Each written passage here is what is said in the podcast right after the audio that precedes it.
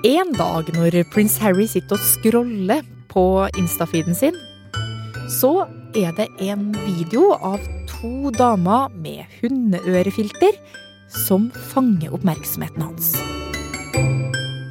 Eller det er vel egentlig én av de lene damene på videoen som fanger oppmerksomheten hans. Hvem er det, tenker han. Og noen år etter har de sammen satt det britiske kongehuset, tabloidene og hele kongeriket i brann. There was a war against Meghan to suit other people's agendas. Dette handler om mer enn to turtelduer som var litt misfornøyd med stram britisk etikette, roller, titler og hvordan de skulle forholde seg til pressen. Dette handler også om det britiske kongehusets fremtid. Det er mandag 12. desember. Jeg er Marit Eriksdatter Gjelland, og du hører på Forklart fra Aftenposten. Men før vi kommer til at alt bare eksploderer og vi får Netflix-dokumentarer til over 100 millioner, skitkasting i det offentlige og Tell it all-intervjuer, så er vi altså i en slags eventyrhistorie der prins Harry har scrolla seg inn i sin store kjærlighet. Og ett år etter så tar Harry med sin nye kjæreste for å treffe familien. Noen drar kanskje kjensel på ansiktet også, for det her er jo Meghan Markle fra TV-serien Suits. Mange husker henne kanskje som et friskt pust, noe nytt i den britiske kongefamilien. Congratulations from all of us. Was it romantic? Hun er amerikaner, hun er skuespiller, hun er vant til å leve i det offentlige søkelyset.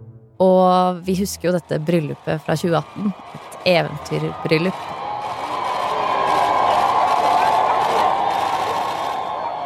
Anine Hallgren er journalist her i Aftenposten og fulgte med da Meghan ble en del av det britiske kongehuset. Alt er jo ikke bare idyll, og stadig oftere så kommer de britiske tabloidavisene med artikler hvor de trekker fram beskyldninger mot uh, Meghans oppførsel. Det snakkes om lekkasjer fra hoffet, om hvordan hun uh, håndterer rollen sin, hvordan de uh, bruker oppmerksomheten de får. Det snakkes om uenigheter mellom Kate og Meghan. Meghan framstilles som vanskelig. Og det er kanskje mange som også husker at uh, britisk presse trekker fram etnisitet ganske tidlig i sine artikler om uh, Meghan Markle. And, and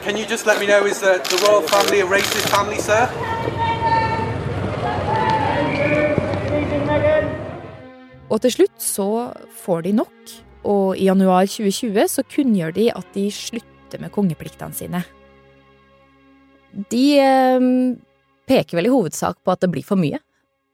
Eh, oppmerksomheten blir for stor, eh, for stor belastning. De ønsker ro, de ønsker å få leve livet sitt i fred. De mener at de har blitt forfulgt av den britiske pressen, at de, blir, at de har blitt satt på sidelinjen av det britiske kongehuset. Eh, at de ikke har fått mulighet til å leve livene sine i fred. Så de eh, vil flytte til USA, etablere seg der. De får beholde titlene sine, men de skal ikke lenger arbeide som medlemmer av kongehuset. De skal ikke representere kongehuset. Og igjen så sitter jo det britiske folk med en del ubesvarte spørsmål, Anine. Det mange lurer på, er jo har de rett i noe av det de hevder? Har de blitt presset ut? Har uh, Megans bakgrunn og etnisitet vært et så stort tema som det hevdes? har de blitt utsatt for uh, paparazzoer og forfølgelse fra pressen og fra kommentatorer? Um, har de fått lov til å leve i fred? Man lurer på hvordan de ble tatt imot av kongehuset.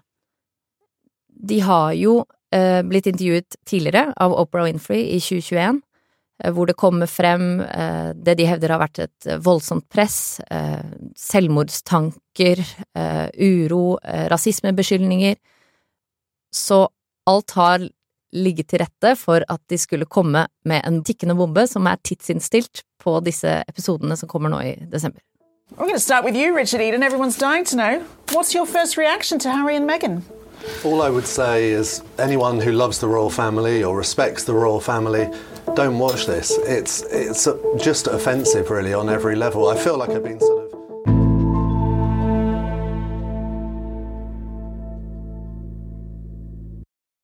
Det starter med en trailer. There's a hierarchy of the family. You know, there's leaking, but there's also planting of stories. Og i løpet av noen timer er avisene pepra med Meghan og Harry. It's about hatred. It's about race. It's a dirty game. De er jo på en måte kongelige opprørere. De har brutt kutymen, de har uh, våget å være seg sjøl. Alt sånt er jo egentlig uhørt i det britiske monarkiet. Uh, og i denne dokumentaren så byr de på seg sjøl, de har lovet å fortelle hele historien. Nasnin Khan Østrem, du er jo kommentator her i Aftenposten, og de første tre episodene av dokumentaren har jo nå ligget ut et par dager. Får folk eh, sympati for paret, da? Altså Det som er litt interessant, er at man får veldig mye sympati for prins Harry. Um, det har man jo kanskje litt fra før pga. den uh, historien han har med prinsesse Diana som, som døde så, på så grusomt vis, um, og måten paparazziene jaget henne. Han har også vært plaget av det, og han snakker veldig åpenhjertig om hvordan han opplever det i dokumentaren. Det er mye verre med Meghan, fordi hun er jo en litt sånn Hun virker fremdeles ekstremt naiv um, i forhold til hva slags ekteskap hun har inngått, og hva slags verden hun har trådt inn i. Og akkurat dette ser man jo gjenspeile seg i kommentarfeltene og i reaksjonene folk har når de ser denne dokumentaren.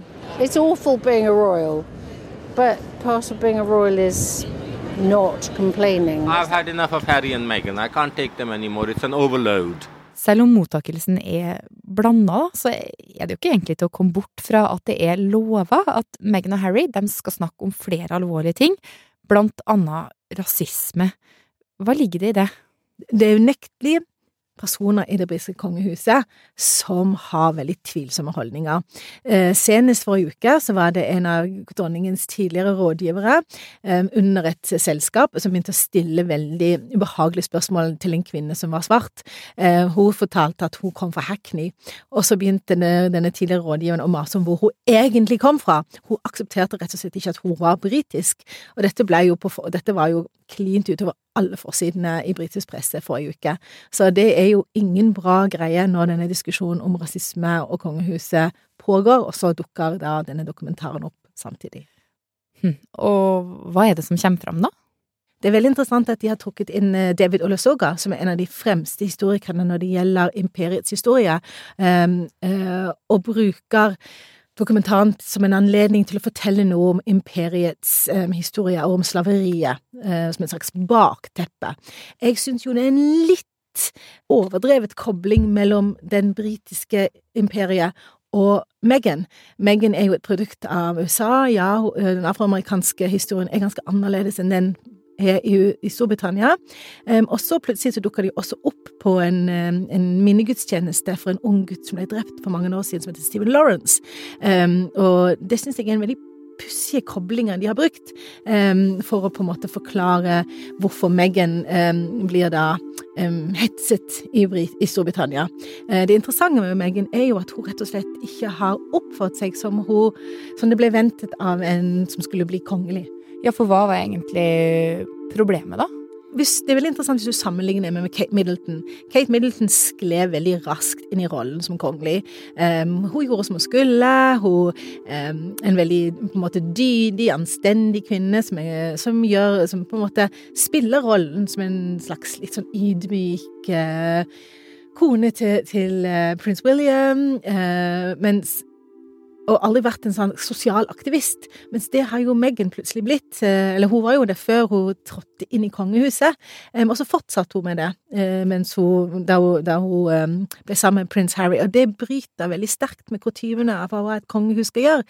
Eh, I Norge så hadde jo vi også reagert ganske kraftig, tror jeg, hvis, hvis kronprinsessen og uh, prins Haakon hadde plutselig begynt å bli sosiale aktivister. Men det du sier nå, betyr det egentlig at uh, rasisme egentlig ikke har så veldig mye med historia til Harry og Meghan å gjøre? Det kan jo komme flere avsløringer de neste tre episodene om hvordan kongehuset har oppført seg, eh, men det som det er lite tvil om, er jo rollen til den britiske tabloidpressen.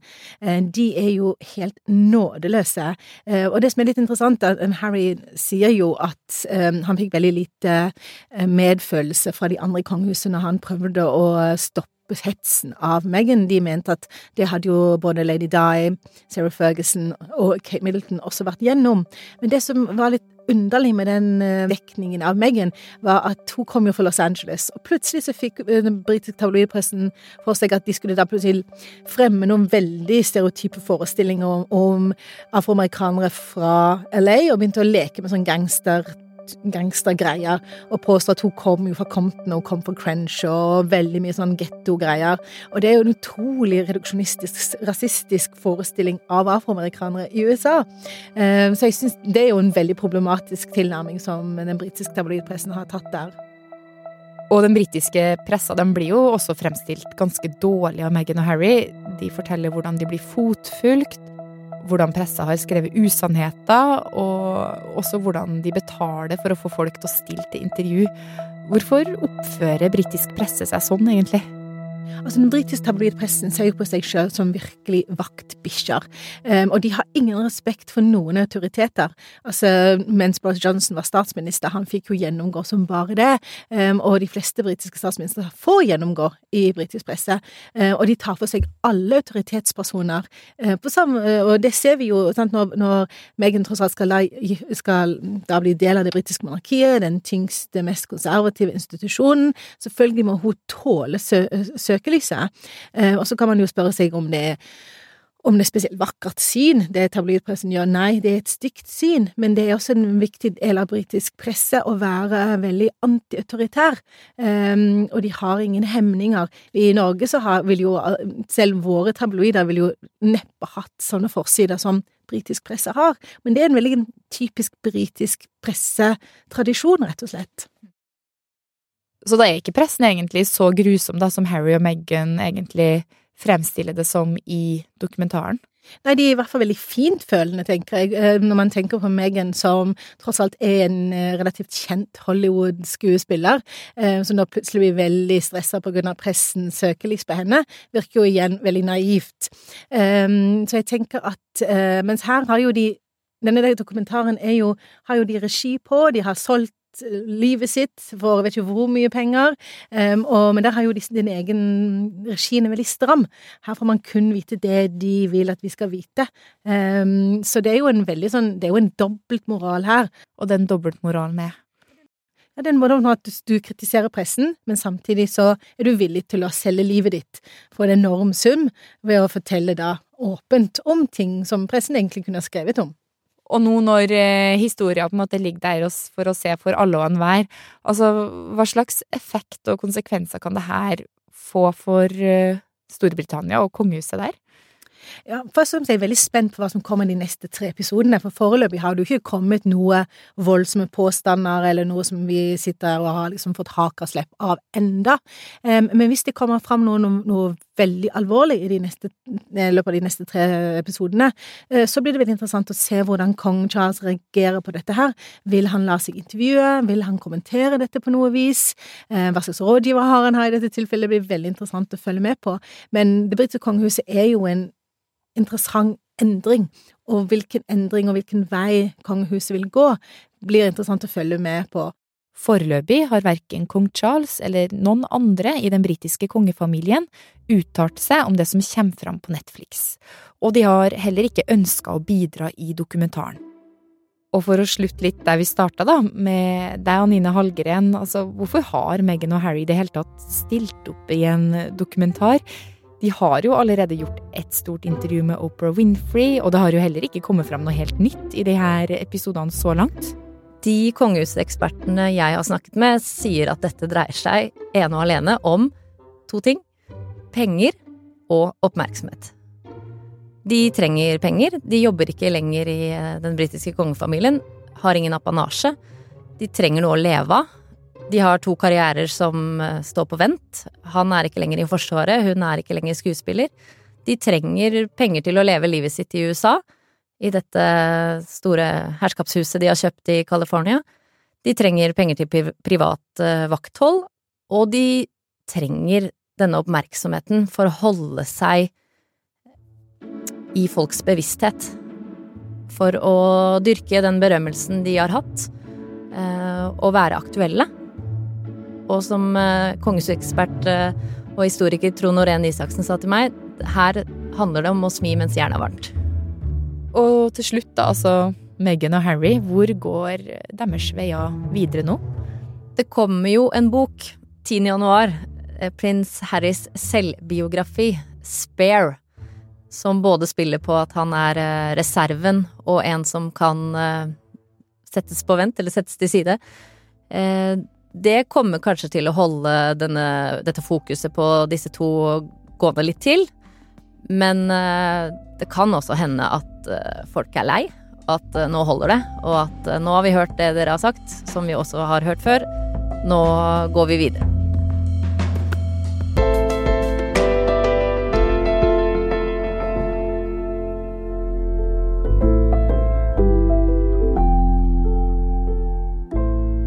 Du har hørt eh, Anine Hallgren og Nasneen Khan Østrem snakke om Meghan og Harry og alt oppstyret rundt dem.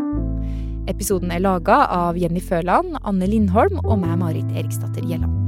Ola Lunden, som er på utplassering her hos oss, har også bidratt. Lyden du har hørt, var fra Netflix-dokumentaren Meghan and Harry, Daily Mail og nyhetsbyrået AP. Resten av Forklart er Anders Weberg, David Vekoni, Synne Søhol og Fride Næss Nonstad.